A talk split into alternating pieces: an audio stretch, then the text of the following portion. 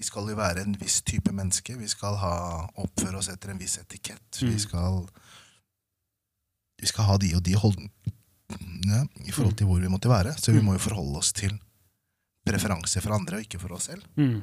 Ikke sant? Så du kan ikke være deg selv, for du må være i forhold til etiketten og holdningene som det krever i den bransjen. 100. Det er klart, når du gjør det hver dag, dag ut og dag inn, Mm. så skjer det noe med personligheten. Mm. Det endrer seg. Mm. Du blir jo litt den du har blitt fortalt å være. Mm. Ikke den du ønsker å være. Det er Helt klart. Helt klart. Så, det, jeg tror det er verre i andre bransjer, faktisk. Mm. I finansbransjen, i Ja. mediebransjen, eh, som arkitekt, eller uansett hvor du måtte være. Mm. Så tror jeg det er enda verre enn faktisk eh, i, i, i underholdningsbransjen. For i underholdningsbransjen er det tillatt. Du må bare være litt klovn, kanskje, er det noen som sier. Ja. Ikke sant? For at du skal lykkes for å få den hypen. Mm. Um, men det er et valg du kan ta. Mm. Men i finans så er du tvunget. Ja. Kommer du ikke i den dressen og snakker du ikke på denne måten, Nettopp. så er du ute. Da er du ferdig. Så du, enten så skal jeg ha lønn, skal jeg kunne betale husleia mi, Mm. så må jeg gjøre et kompromiss Nettopp. som går på bekostning av meg selv. Helt klart. Ja, bare kjøre kjør opptak hvis du er i gang. Ja, Så bra. For vi bare ser på navnet, så er det på deg. på en måte. Jeg mister det litt når du ser på navnet. Sånn. Ja, det blir jo bedre. sånn. Ja. sånn. Vi bare hopper inn i det sånn etter hvert. ass. Ja. Det er, det er helt konge. Og, og hvis det er noe du liksom kicker på underveis også, fyr løs. Det er bare bra. Det er super lavterskel. Det skal flyte. Vi har noen veldig konkrete spørsmål, men ender vi opp i et eller annet annet univers, så er det bare fett, liksom. Ok? Så bare skyt inn underveis, du også, Sindre. Det var veldig gøy det med Bjørn òg, fordi han, han ehm, han angrep kulturen, musikkbransjekulturen, machokulturen, eh, sikkert spesielt lederkulturen òg, fordi han sa det at eh, eh, en av de første beskjedene han fikk når han blei sjef, var at ok, nå må du gå inn og så må du sparke den beste personen eh, for å vise hvem som er sjef. Da.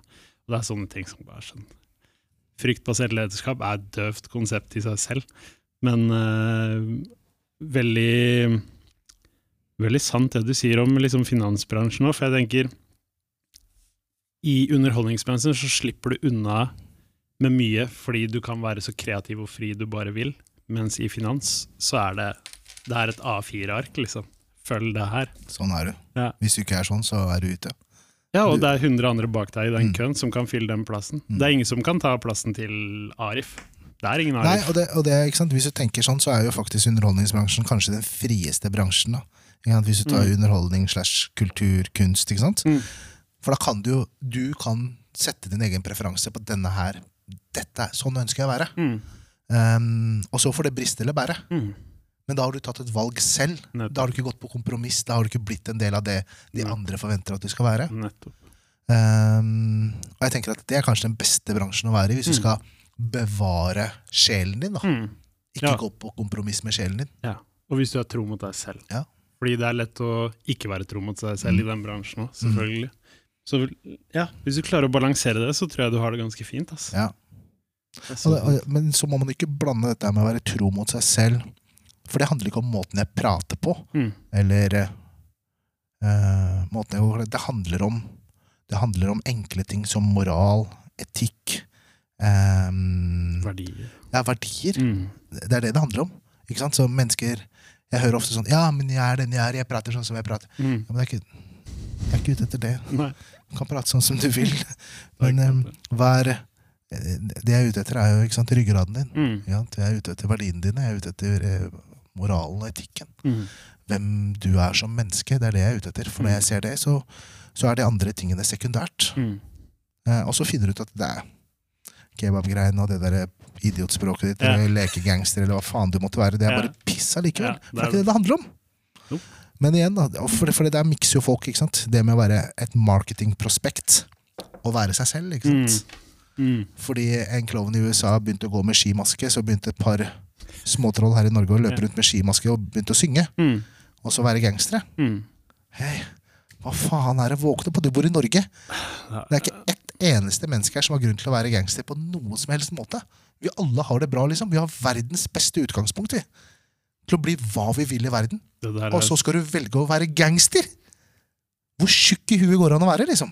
Det, der er, det er sånn alle vil være Tony Montana eller uh, gudfaren eller et eller annet, men hvorfor er det ingen som vil være Nelson Mandela? Hvorfor er det ingen som snakker høyt om det? Mm. Ingen gjør det. Alle skal være G og alt mulig rart. Mm. Og du har alle forutsetninger for å ikke være det. Mm. I hvert fall i dette landet. Hvert fall, ja, det I er det Norge. vi snakker om i Norge. I dette landet her Ja. Du har, Når de sier at du har trukket uh, gu, uh, hva, hva heter det når du vinner i Lotto? Mm. Du, du har vunnet i Lotto. Mm. Så snakker vi om Norge. Mm. Ja, Vi kan snakke om negative og positive sider, 100 men det å bo her, velferdsstaten Norge, Mm. du kan bare glemme det. Mm. Hele verden, vi er, vi, er luksus. Mm. Og hvis ikke du klarer å anerkjenne og se det, og så begynne å sippe over de små utfordringene du har i livet ditt, da må du våkne opp. ass. Da må du røske tak i sjela di, og så må du våkne opp. Mm. Se deg rundt. Hente inn kompetanse. Global kompetanse. Se hvordan de har det i verden. Se hvordan du har det faktisk her i Norge. Ja. Bro, bare reis hjem til hjemlandet ditt, Ja, så Se ser du det. Se hvordan det Du er. trenger ikke like G der. Nei, og det er du det er det verste jeg veit Mm. i, i musikerbransjen. Mm. De som prøver å spille på det pisset. Mm. Leke gangstere. Mm. Jeg har bare lyst til å whoppe rumpa deres hele egen, gjengen. ass. Jeg kødder ikke. Jeg legger dem over kneet mitt, og så gir jeg dem ris på rumpa. ass. Hele jævla Stovner-klanen og Holmlia. Alle sammen. Det er bare tull. Mm. Tull! Syng fra hjertet ditt. Mm. Syng fra sjela di. Har du noe å formidle, skriv det ned, Mm. og formidle. Mm. Men ikke vær gangster. Mm. For det er ingen, du har ikke noen grunn til å være gangster i Norge. Lover deg, den dagen de gutta åpner opp sjela si og forteller akkurat hva de føler til å sette ord på det, Da blir det musikk. da har de vunnet. ass. Ja, ja. Da da blir det musikk. Mm. Syng om reisen din. Mm. Syng om reisen din i livet ditt. Syng om de små tingene som skjer med deg i livet ditt og hverdagen din. Mm. Det er ikke nødvendigvis store ting for meg, men for deg så er det, er det store ting. Mm. Og måten du formidler det på, det er det som gjør deg til en artist. Mm. Ikke sant? Gjøre dine ting til noe jeg klarer å relatere meg til. Mm. Eller kanskje du gir faen i det. Bare formidle. Mm. Um, men ikke dra inn ting som er helt irrelevant Nei. for det norske samfunnet. Nei.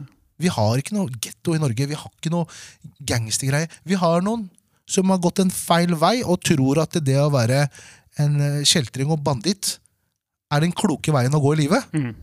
Så kan du spørre alle kjeltringer og banditter når de er 35-40 år, om det har vært den kloke veien å gjøre i Norge. Mm. Hvis de kan svare. Samtlig, Mm. samtlig sier det er den dummeste veien jeg Mm. valgte å gjøre da jeg var 17 år gammel. Helt klart. Dummeste. Helt klart. For i Norge så trenger du ikke faen bli tredje Du kan, du kan bli hva du vil, liksom! Og så Klart, velger du å være tjukk i huet! Mm. Det er helt pointless, altså. Ja, det er helt pointless. Og jeg tror også som misforstås rett òg, fordi vi heier på dem på en eller annen rar måte. Men bare vær, vær tro mot deg selv og vær ekte. Mm. Fortell historien din. Jeg tror, sånn som Karpe, hvis man går tilbake glasskårrepen Det var første gangen jeg følte at oi, noen snakker mitt språk. Mm. Men det var fordi de var ekte. Kunsten å være inder-greiene og det som kom ut der, det var sånn yes, Elsk, endelig. elsker Karpe. Mm. Karpe har skjønt det, liksom. Mm. De lager musikk ut ifra hvordan de ser det. Helt klart. Ut ifra sitt ståsted, og de klarer å formidle på en helt fantastisk måte. Helt klart. Og det er ikke noe gangstergreie. Det handler om kunsten til å, å formidle, Mm. kunsten til å skrive ned og lage noen ting som de opplever, noe de om det er politisk, eller om det er et eget syn i sitt nærmiljø, eller hva Mm. det måtte være. Mm. De lager de enkleste tingene til noe så fantastisk. Og de snakker språket til så mange kids der ute. ass. Ja. 100% Men at det ikke flere artister, og spesielt innenfor hiphop og rap, da, mm. ser den veien. Mm. Måten å, å, å skape ting på. Um, og ikke se over dammen. For det, det er for mange som ser over dammen. Uh, og det er fett, det, altså. Men det er sannsynligheten for at du slår gjennom som en hardcore rappartist i Norge Noen bør fortelle deg sannheten. Mm. For den er så marginal Ja. at det er, det, er, det er ikke noe å snakke om engang. ikke sant? Du har en hype denne sommeren her fordi du lagde et eller annet som var fett, Mm. og så er du ferdig neste sommer, og da har du blitt jævla kul på Jessheim og Mm. Yes. Det er ikke fett. Lag musikk som verden vil høre på. Da må du være unik, da. Mm. Finn noe unikt. Helt klart, ass. Bra. Bra start. Vi starter med en rant. Vi skal snakke Jeg har hatt den praten med Dag, forresten. Har du det? Ja, ja, ja. ja. Men eh, det er mye i det, ass. Um, og jeg håper de gutta finner veien. Fordi det er ikke noe tvil om at gutta kan lage beats, gutta kan rappe, men bare få frem det ekte. ass. Jeg Jeg håper skal- det. Jeg skal vise deg en bit, jeg. Jeg må bare, jeg må bare vise den. Det er fett, det. Når du virkelig setter deg inn i det. Skal vi se. Fordi jeg jobber Akkurat nå så bruker jeg mye tid med only vocals. Mm. Det vil si artister som bare lager musikk med munnen sin. Mm. Punktum. Mm. Alt. Beats. Alt sammen. Mm. Skal vi se om du kjenner igjen denne her, for det gjør du helt sikkert. Jeg skal, jeg skal ta og sette den foran kamera, så dere ser den. Det er en god venn av meg i Canada. Okay. Eh, kjempedyktig innenfor, uh, innenfor a cappella. Ja. Men eh, han viser oss her hvordan du lager en beat, en hiphop-beat. Jeg setter den inntil sånn, så ser du. Og det dere hører da, er bare munnen. Og han lager layers på layers på layers i beaten.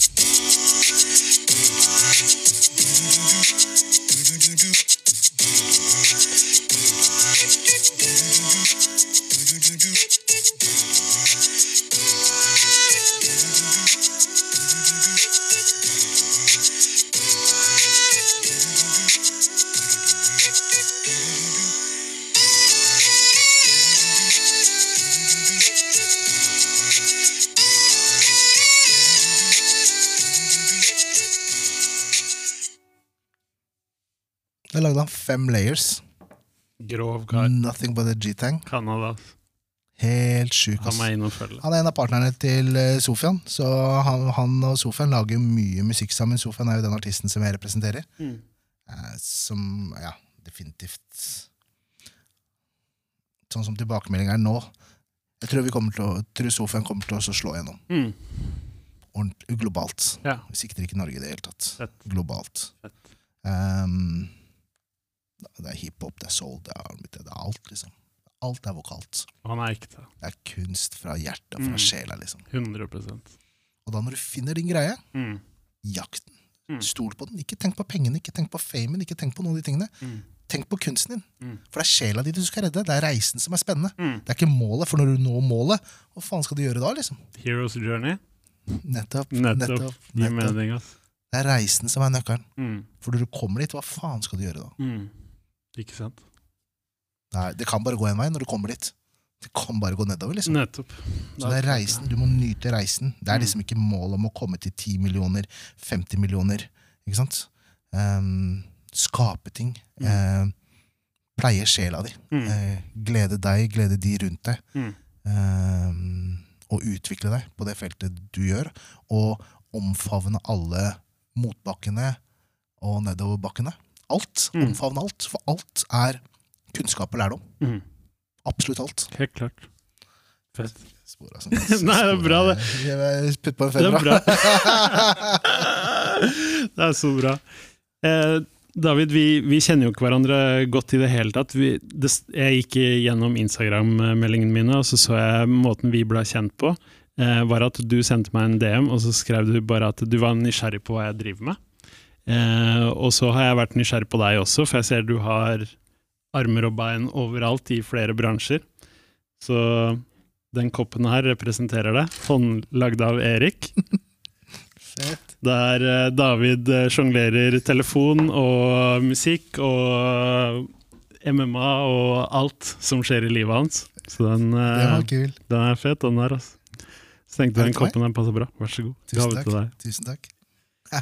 Så du har jo, du har jo eh, management, du har, du har et selskap. Jeg gleder meg til å bli enda bedre kjent med deg og forstå enda mer av hva, hva du gjør og hva du driver med. Du har jo eh, Jack Hermansson, eh, sjetteplass middleweight, ranka som nummer seks i middleweight nå. Du har Grace, som har vunnet EM et par ganger, U23. og flere medaljer også. Du Mm. har mange talenter. Eh, jo Vetle.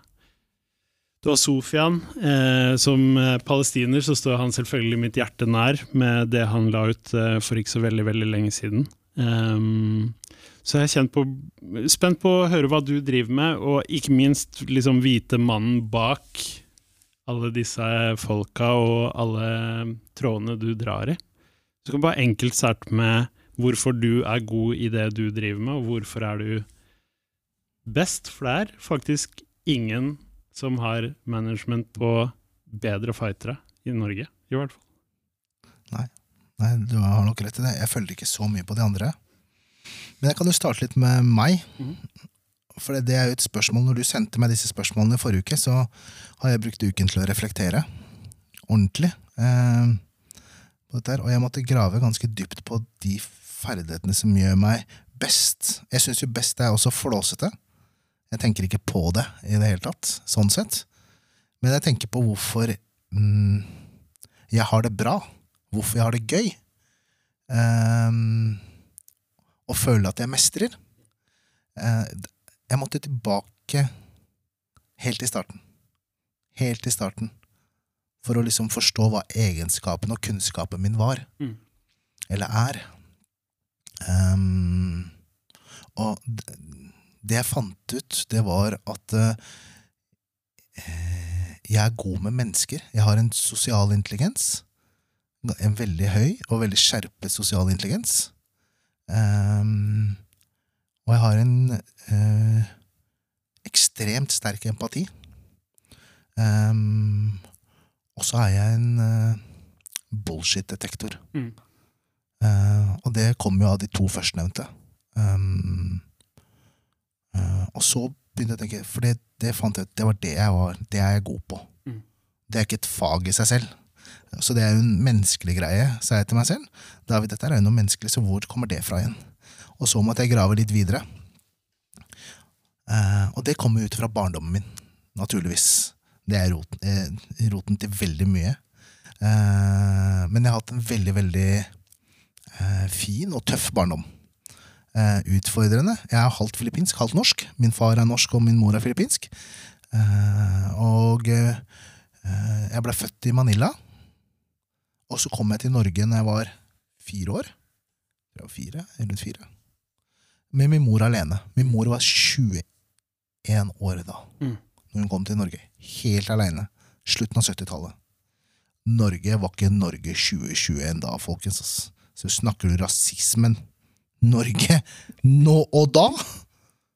Fuck that shit! Det var to forskjellige verdener, altså. Så min mor da helt aleine til denne kulturen her, um, uten familie. Hun hadde jo da min fars familie, som da ingen kunne engelsk. Mm. Ehm, og skulle klare seg som 21-åring med to små barn. Det er klart, det ga en del utfordringer. Uh, masse utfordringer. Eh, og så det norske samfunnet rundt æren. Jeg la ikke my så mye merke til de tingene. Jeg var, så, jeg var en livlig gutt som ville bare leke og ha det gøy. Hvor i Norge var det dere Vi havna på Vallahovin i Oslo. Mm. Så det var der vi bodde først. Ehm, min far var ikke her. Så han, var, han er sjømann. Så han ville bo Han ble igjen i Filippinene. Han var her noen år, tror jeg. Mm. Kom noen år, og så dro han til Filippinene. Mm. Det er klart ehm, Så det var jo helt ok, men det var jo et sånt lite samfunn, lite lukket kultsamfunn, kall det hva du vil, ikke sant, eh, i det borettslaget. Mm. Eh, på godt og vondt. Eh, eh, men forholdsvis overfladisk. Så lenge jeg har det bra, så går det fint. Mm. Typ. Mm. Mm. eh, mye sånn smårasisme hele tiden, det husker jeg. jeg. Ikke noe jeg tenkte på da. Plaga meg ikke et sekund da, liksom. Det var en del av meg. Det, Mm. det var helt vanlig. Bussjåføren Hei, pakkis, sett deg bakerst i bussen'-type. Mm. Det var sånn småting hele tiden. Mm. Ikke sant? Familien som sier til meg når jeg snakker med min mor på, tagal, på filippinsk, tagalog Slutt å snakke til jeg bla, bla språk. ikke sant? Mm. Det er sånn småting hele tiden. da. Mm. Tenkte ikke noe på det da. Men det, det var en dag som det slo meg skikkelig, når jeg ble skikkelig tatt på skolen. Jeg husker jeg ble skikkelig mobba på skolen om, om språket. Og så kom jeg hjem til mamma og så sier jeg dette var siste dagen vi snakket sammen. Mm. Og da stoppet jeg å snakke tagalog på da, den dagen. Um, så det var nok noe som preget meg i underbevisstheten. Mm. Så ble mor og far skilt. Så var det mye smådrit som skjedde hele tiden. Min mor og far ble skilt, og mamma fikk seg en bolig jeg tror sosialbolig på Holmlia. Um, på tidlig på 80-tallet. Eller ja, før 85 i hvert fall. Mm. 82, 83, 84, et eller sted, et eller annet sted der. Og kom ut dit. Og mamma hadde da vært aleine i mange år, hatt det tøft. Og det er klart, når du er så aleine, så isolert, Mm. så er det klart det er bare snakk om tid før du, du får en knekk. Mm. Og det er klart, mamma søkte jo hjelp da, men eh, hjelp på den tiden, eh, og det kan dere google opp, barnevernet på 80-tallet, Mm. Helvete, ass. Helvete. Så regjeringen har jo vært ute i ettertid og så bedt folk om å sende inn brev om sine, om sine opplevelser med barnevernet på 80-tallet. Mm. Og gitt offentlige, offentlige unnskyldninger på hvordan eh, mange, mange mange barn og ungdom opplevde det. Men mamma spurte om hjelp fordi hun gikk på veggen. Det var tungt og tøft. Eh, og helt naturlig. Men eh, det var ikke klokt. En dag så dukka barnevernet opp på døra. Og så bare tok de med seg meg og søsteren min og satte oss i en politibil. Og så kjørte de oss, til, kjørte de oss ut av Oslo. Så da, de første barnehjemmene jeg var ja, 10-11 eller noe. Fordi mamma spurte om hjelp, liksom. Eh, kom vi på et barnehjem ute i Moss. det ironiske og morsomme med det er at det, mine to sønner har faktisk vært på ferieleir, eller sånn feriekoloni, på det barnehjemmet. For nå er det ikke barnehjem lenger. Så jeg har vært der, vært der to ganger, både han eldste og han yngste. Han yngste var der nå for forrige uke. Hva syns du? Nei, De syns det er litt morsomt. Det er vanskelig for dem å forholde seg til. De har et fint liv, så de klarer ikke å forholde seg til barnehjem og pappa har vært der. og Det blir litt sånn fjernt, da. Mm.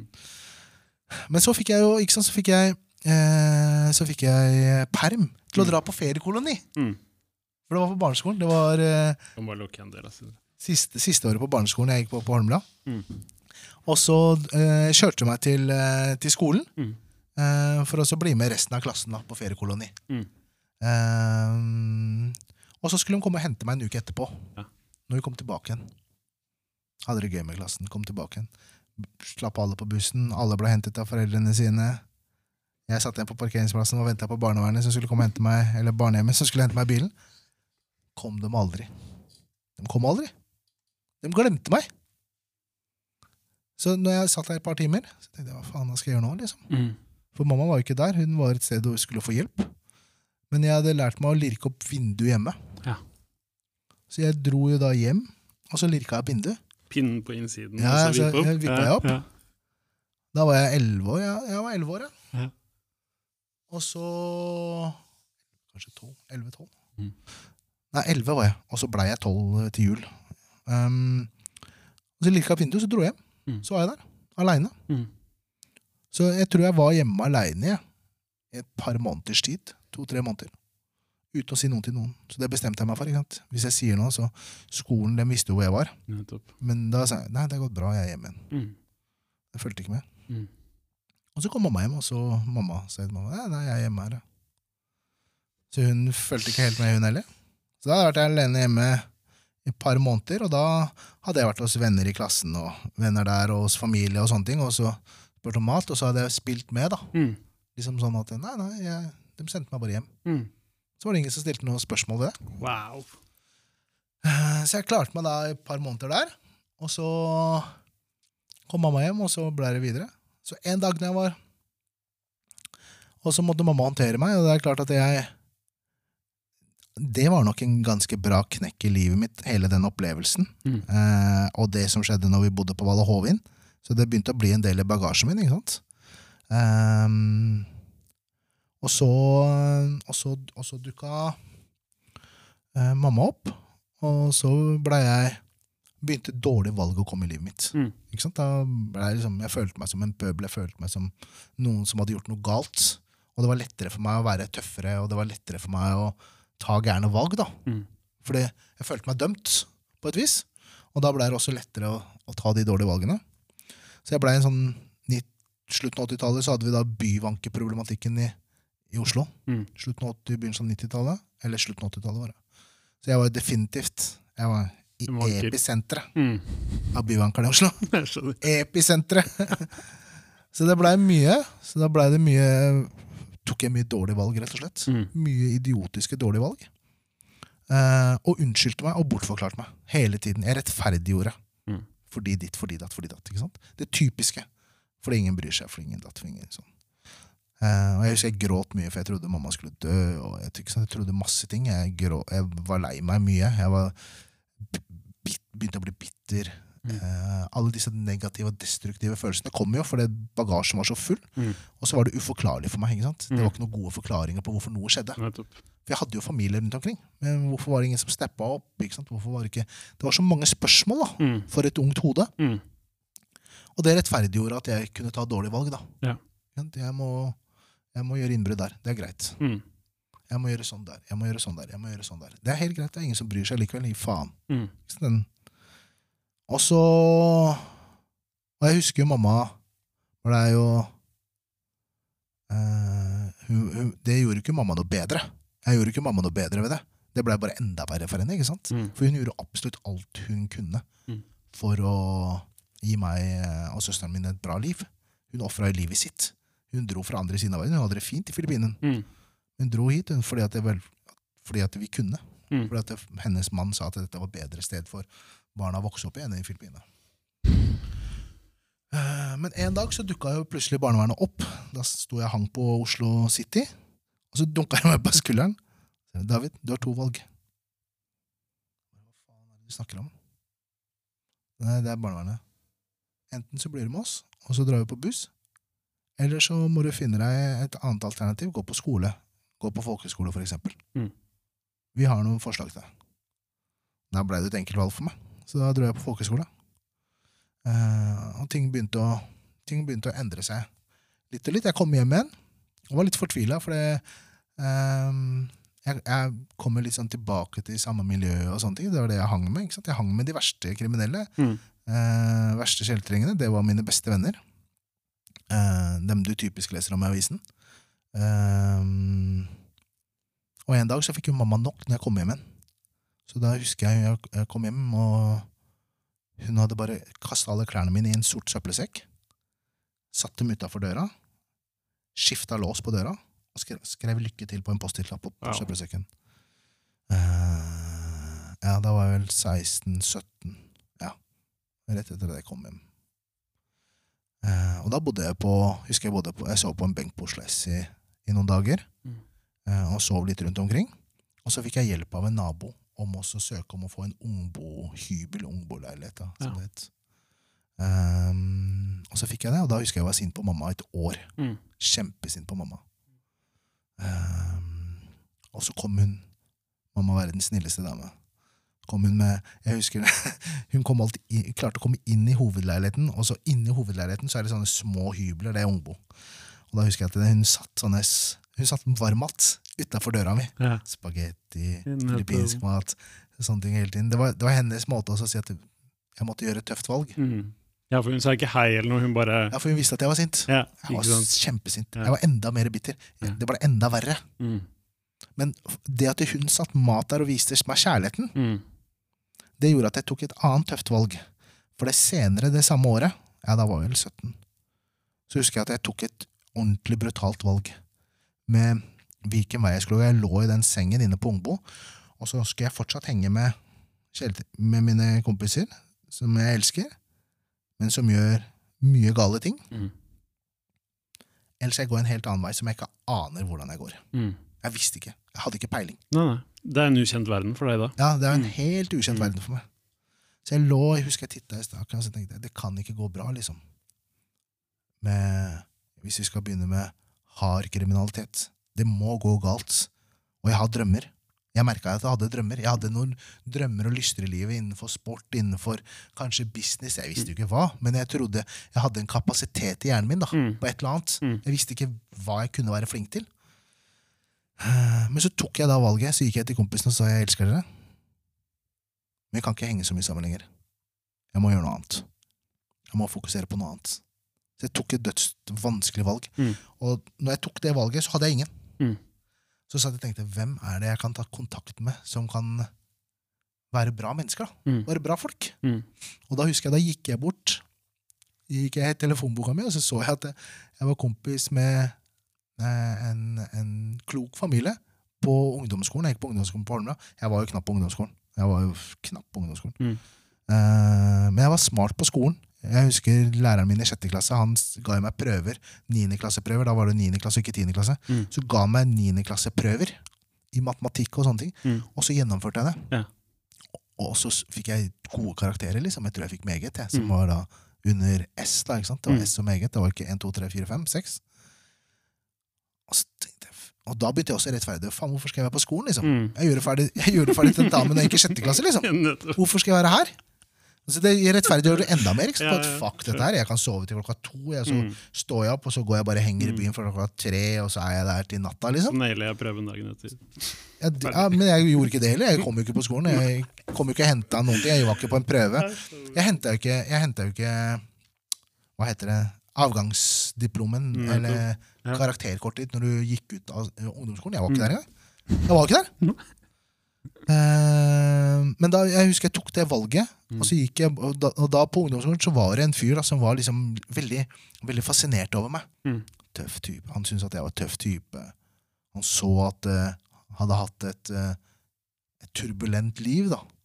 Og jeg var muskuløs, jeg var sterk, jeg var ikke sant? kjekk, ung, kjekk ungdom. Eh, han var fascinert av hele karakteren min, da, det husker jeg på skolen. Mm.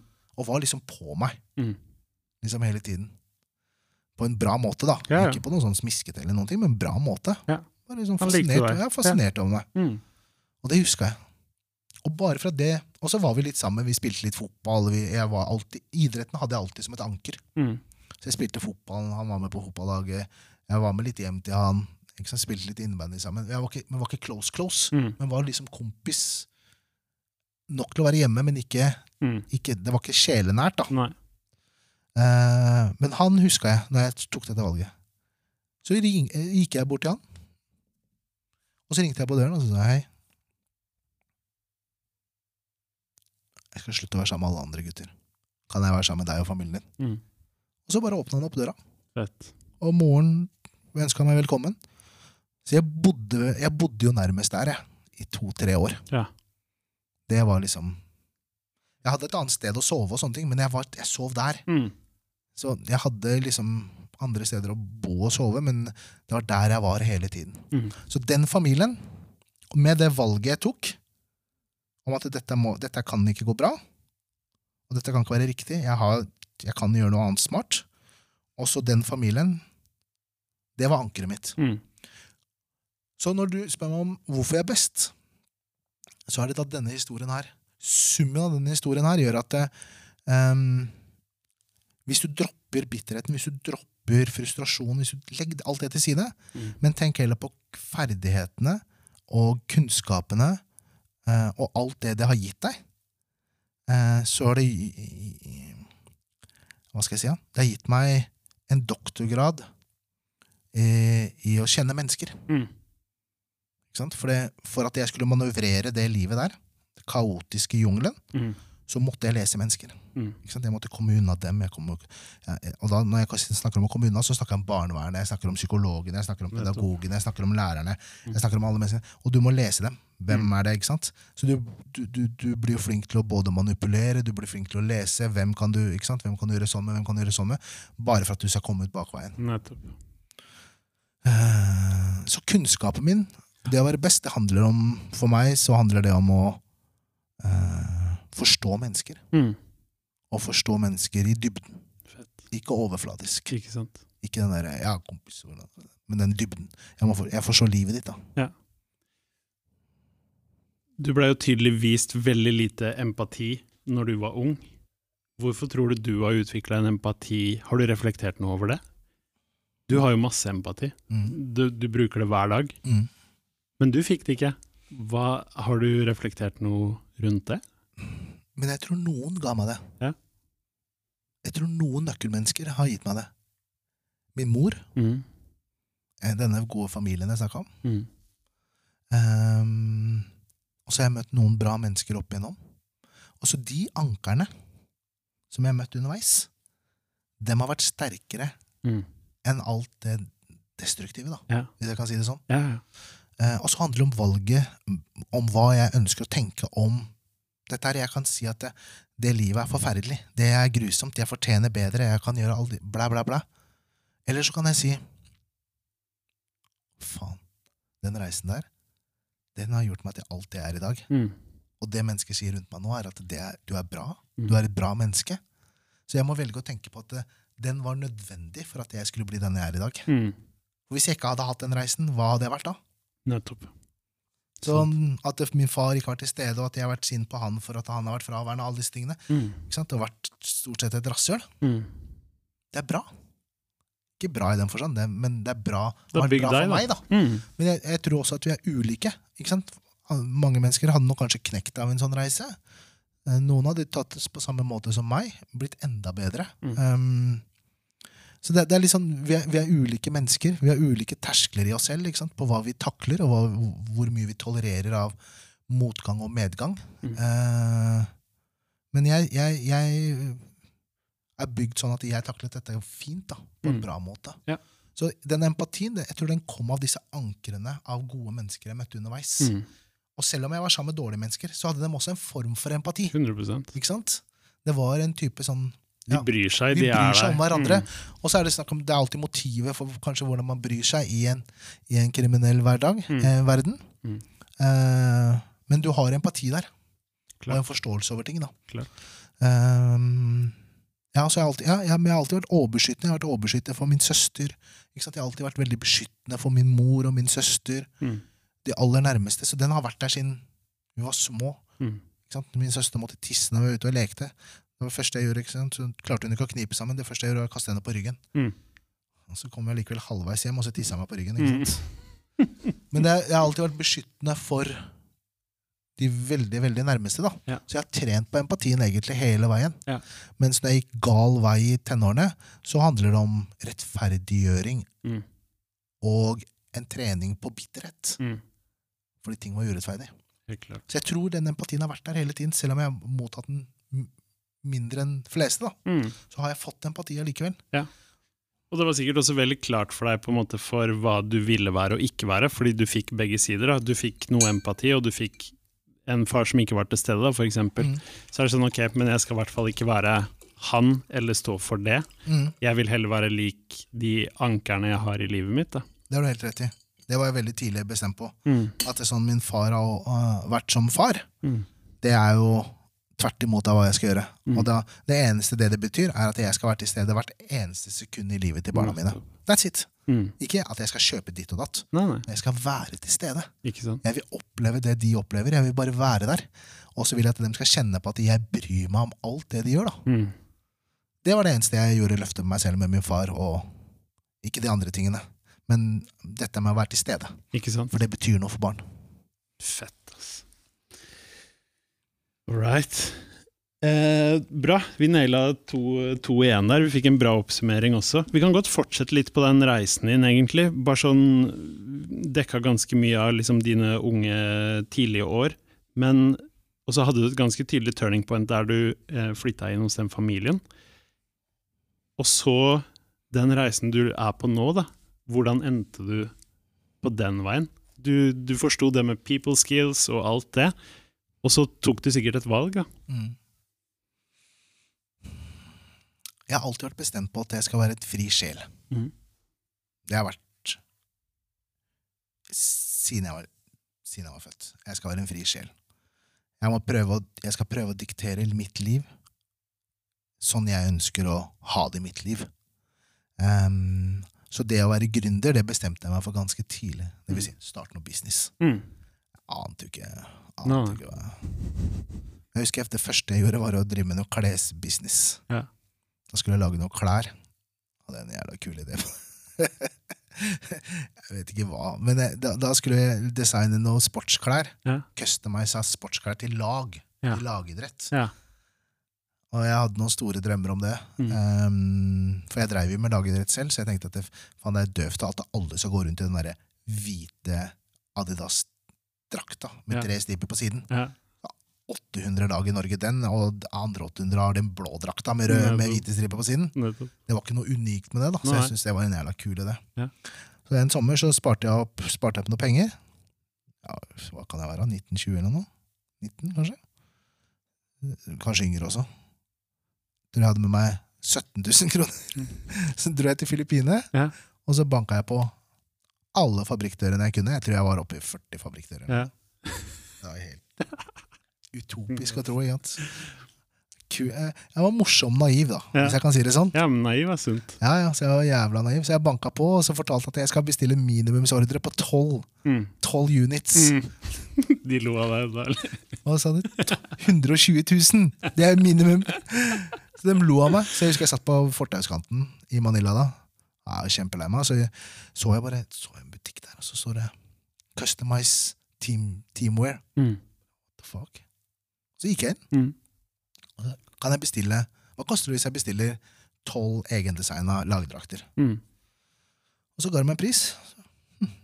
Ja, ja, det er ikke så bra som en fabrikk, kanskje, Nei, men norsk pris kan vi leve med. ikke sant? Og så, til, og så spurte jeg er, den, er, den, er, er sjefen her. Ja, sjefen er her i dag. Og så tok sjefen meg inn på kontoret, og så fikk jeg en deal.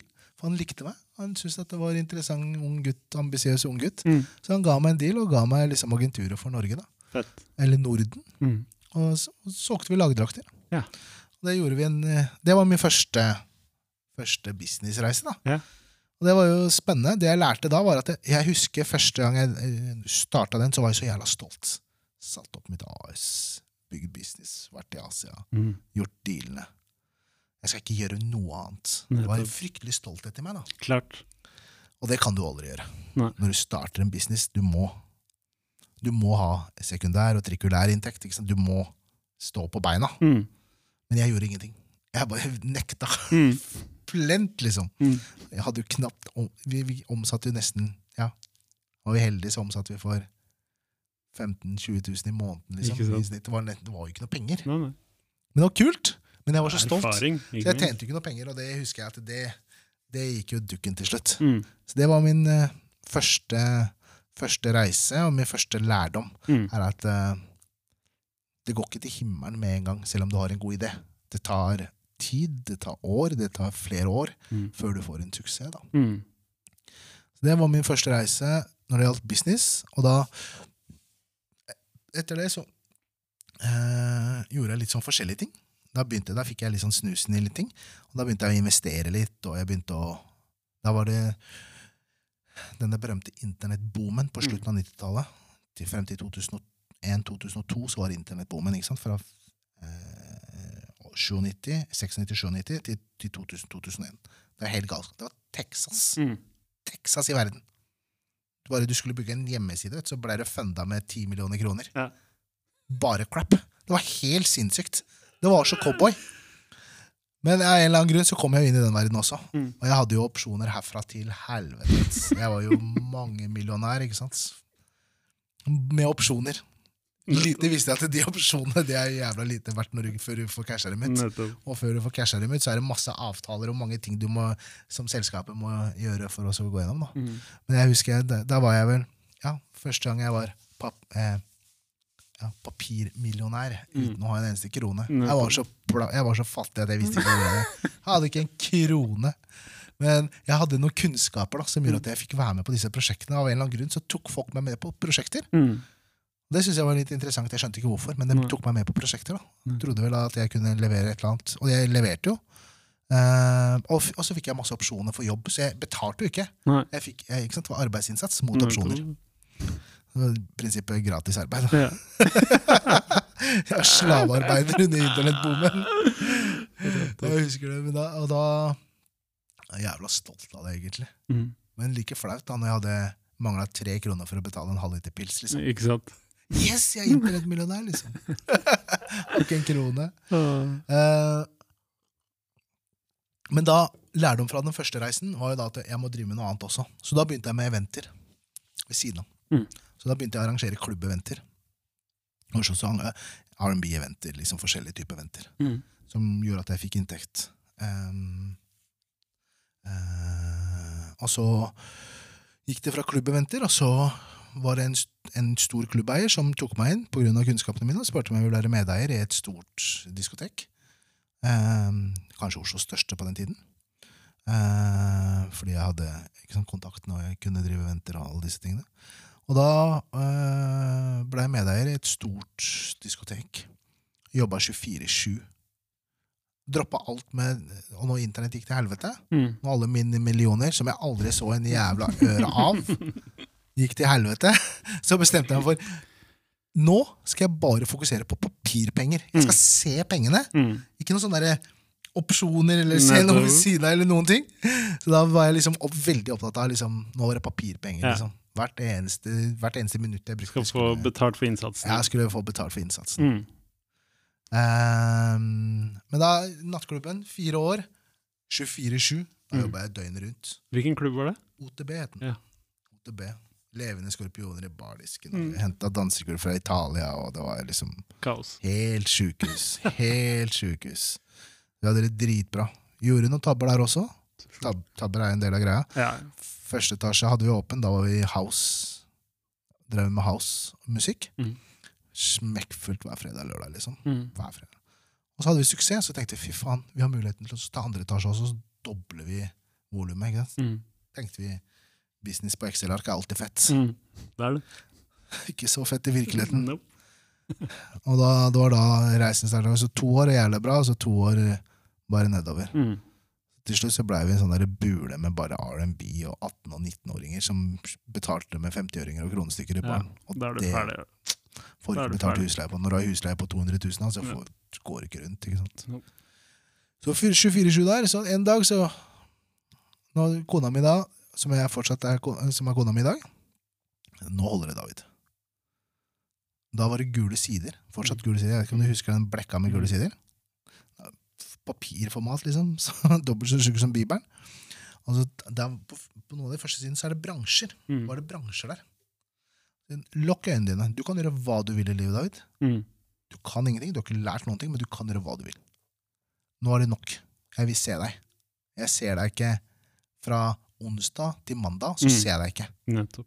Og du kommer hjem, og så har du tjent Det er verdens dårligst betalte jobb å eie Ja. nattklubb. Så aldri eie nattklubb. Du er sistemann som får betalt. Ja. Og du er den som må betale alle regningene. Mm. Punktum. Men da sa hun til meg Tok hun bind foran øynene mine, Mm. og så ga hun meg en penn. Og så nå har jeg boka oppe her. Nå har vi eh, så var det 12-13-14 bransjer på, det, på den dobbeltsiden av gule sidene. Og så sier hun Tok hun for bindet, og så tar hun pennen. Nå er du på midten. Nå har du litt til høyre og litt til venstre. Så putter du bare den pennen hvor du vil. Mm. Der den havner, det er den bransjen du skal gå inn i. Ok, lettis. tok jeg den pennen, så havna jeg på media. Ja. Og så sier hun Ja, da har jeg drevet med event og teknologi og jeg, ikke sant, jeg, internett. Jeg har ikke drevet med media i det hele tatt. Mm. Og det neste hun sier, ta opp telefonen din, begynn å scrolle. Mm. Finn en eller annen du kjenner som jobber i mediebransjen. Mm. Og så ber du om å starte på bånn. Mm. Starter jeg å scrolle, så finner jeg en kompis som jobber i Økonomisk rapport. Sånn en tidsskrift. tidsskrift. Og jeg, jeg virkelig begynner på bånn. Jeg begynner som abonnementselger. Ja. 8000, 7500 i måneden, og resten var provisjon. Ringe. Helvete. Hei! Ja. Det er David der. Jeg ringer fra Økonomisk rapport. Jeg har et fantastisk tilbud, tilbud til deg nå, Jensen. Og da jeg sa den samme setningen 150 ganger om dagen, 200 ganger om dagen Du blir gal, du blir zombie. Jeg gjorde det i syv måneder. Mm. Nå er det nok. Kona mi, nå er det nok. Jeg orker ikke mer, jeg klarer ikke mer. Jeg dør Ja. innvendig. Hodet mitt, sjela mi, alt bare dør. Jeg, jeg, det er helt fint, det. Bare finn deg noe annet. Mm. Og nå har du begynt på media, så fortsett på media. Og da gikk jeg fra um, Og da tok jeg da den muligheten Når jeg hadde da jobbet der, så gjorde jeg akkurat det samme igjen. Mm. Gjennom telefonen min, så fant jeg noen andre som jobbet et annet sted, som var kanskje litt bedre. Mm. For da hadde jeg lært oss å kjenne hvordan mediebransjen funka bitte lite grann. Mm. Og da fant jeg noen som jobba i Hjemmet Mortensen. Ja. Så da begynte jeg å jobbe i Hjemmet Mortensen. Så begynte jeg å jobbe i fotballmagasinet Tips til å starte med. Og skulle selge annonser. Ja. Jeg solgte jo ikke en eneste annonse. Det eneste jeg gjorde, var å lage et event som ikke hadde noe med magasin å gjøre. det. Jeg lagde et fotballevent. Heldigvis da var det en annen enn Hjemme Mortensen som syntes at det var jævla fett. Ja. Så jeg ble henta til en annen avdeling i Hjemme Mortensen. Så jobba jeg der i en del år, og blei til slutt seniorkonsulent. da. Ja. Um, og jobbet med de største annonsørene i Norge. Nettopp. Og derfra så var jeg i mediebransjen. Jobbet jeg, jobbet jeg hjemme Mortensen, så jobbet jeg av media, og så jobbet jeg i noen uh, independent uh, medieselskaper. Og så var det en kompis av meg som het Rafik, som ringte meg. David, vi må, jeg har noe som kan revolusjonere mediebransjen. Jeg har noe som heter blogg. Vi har ikke lansert det ennå.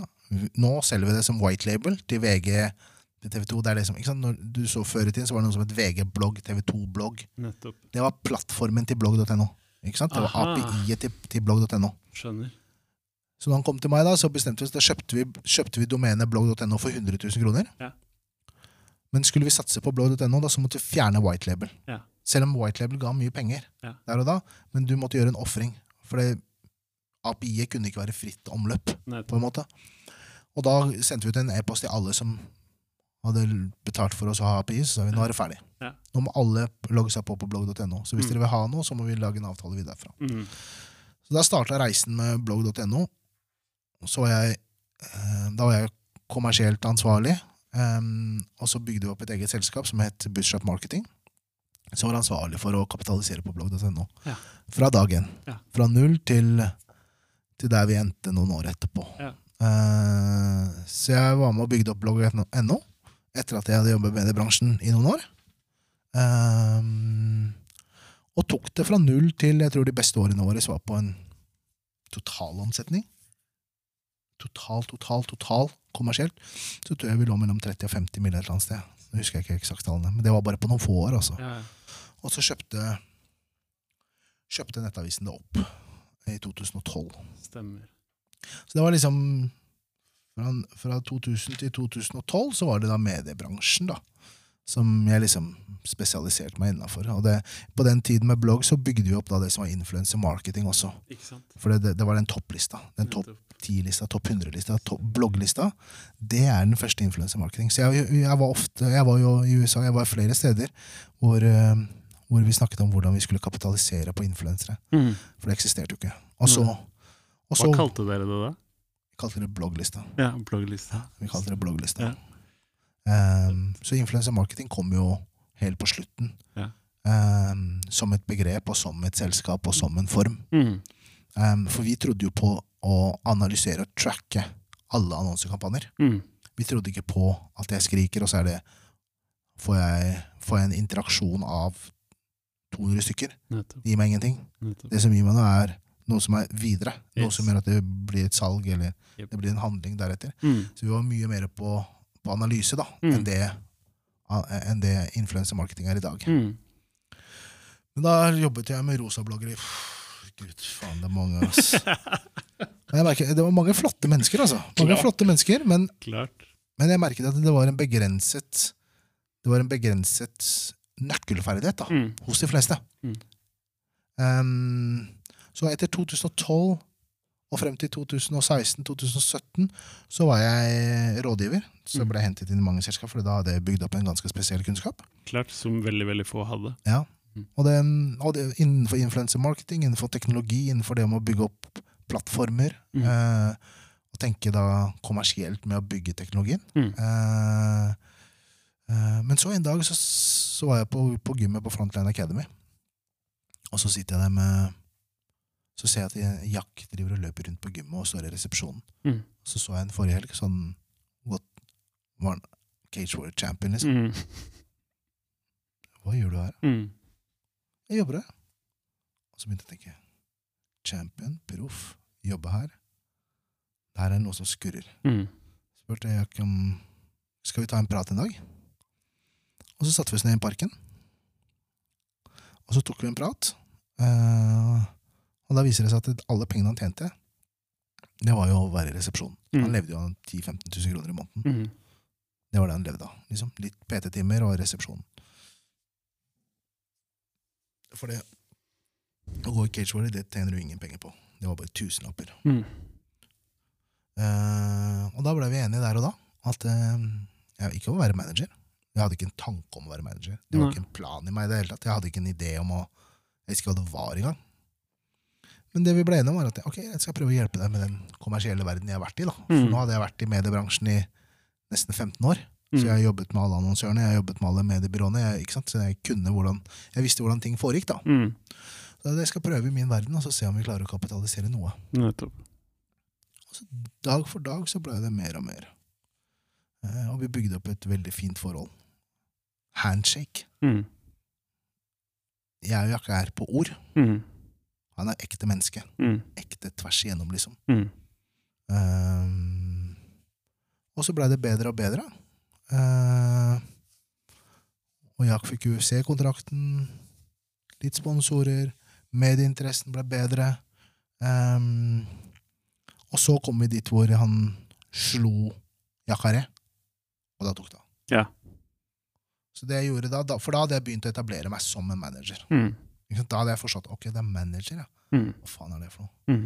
Og det var det tilsvarende som å drive med, med, med blogglista. Sant. Så det jeg fant ut med meg selv da, var egentlig at det jeg har gjort, er å utvikle blogglista til å bli manager 360. Mm. Er det samme som å drive med influencer marketing. Mm. Men influencer marketing selger bare annonser. Mm. Men en manager gjør alt. Han har partnere som selger annonser, han har en partner som driver med eh, legal, økonomi? Brandbuilding, Mm. kontrakter, alt sammen. Det er en manager. De Mm. gjør alt. Mm. Mens en influencer manager, de selger bare annonser. Nettopp. Kommersielle kampanjer. Nettopp. Uh, Så da skjønte jeg det. Og da når han begynte å ta av, så tenkte jeg her må vi ha hjelp. Så da um, var det faktisk et av verdens største selskap som tok kontakt med meg, hadde tatt kontakt med meg før det, om også å begynne å samarbeide med meg, som heter uh, Paradigm Sports Management. Det er de som representerer Israel Adesanya og Conor McGregor. Mm. Fordi de ville ha en representant her oppe i Norden.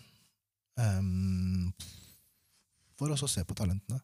Så da gjorde jeg en avtale med Paradigm. Um, en eksklusiv avtale med Paradigm om at jeg er den nordiske representanten til Paradigm. Så alle fightere som kommer ut herfra, går via meg. Så hvis noen tar kontakt med dem direkte, så går de tilbake til meg allikevel. Mm. Jeg er representanten her oppe. Mm. Eh, og de er de flinke De er de som har de sterkest kontakt i UFC. Mm. Og når du skal være en fighter og skal inn i den store ligaen, så er du helt avhengig av de kontaktene. 100% Uten det så er, det nest, er du nesten sjanseløs. Det tror jeg på. Så det forholdet der har vi etablert veldig, veldig, veldig, veldig godt. Så da sitter jeg sammen med seks andre managere i Paradigm mm, innenfor MMA. Det er ikke flere, nei. Nei, det er bare seks som styrer verden. Eh, så det er veldig få som styrer alt sammen. Mm. Men vi styrer hvert vårt distrikt. Eller hvert vårt geografiske område, da. Mm. Eh, så, men det er Ja. Og så Ja, da bygde jeg opp da selskapet Heroes Journey, var det vi kalte det. Og det er klart, vi tjente ikke noe penger på jakt på mange år. I det hele tatt. Jeg ville ikke ha noe penger av det Mm. til å starte med. Når vi signerte med Paradigm og økte avtalen, så blei det med litt mer penger. Mm. For da gikk kontrakten oppover. Eh, og, og det er bare noen år siden. Det er bare to-tre år siden. Mm. Uh, så fra da så begynte jeg å øke. Ja. Da begynte jeg å øke. Uh, så nå representerer jeg vel en seks-sju Altså en åtte åtte-ni, da, som det er par som folk ikke vet hvem jeg jobber med også. Mm. Som jobber med litt i kulissene. Så jeg har vel en åtte-ni kampsportutøvere i stallen min nå. Og så har jeg én musiker. Og så er jeg en musiker som jeg hjelper til. Eh, og så har vi en sju-åtte fotballspillere. Ja. Så vi har nesten 20 klienter nå. Ja. Så da har jeg to fotballagenter som jobber i selskapet, og så tar jeg meg av kampsport. Nettopp. Eh, og så driver vi nå og bygger opp nå kreativ avdeling, digital kreativt. Mm. Eh, vi driver og bygger opp en eventavdeling. Så nå Heroes Journey er nå Nå driver vi og tar steget med å vokse, da. Fett. Og så får vi se hvordan den reisen går.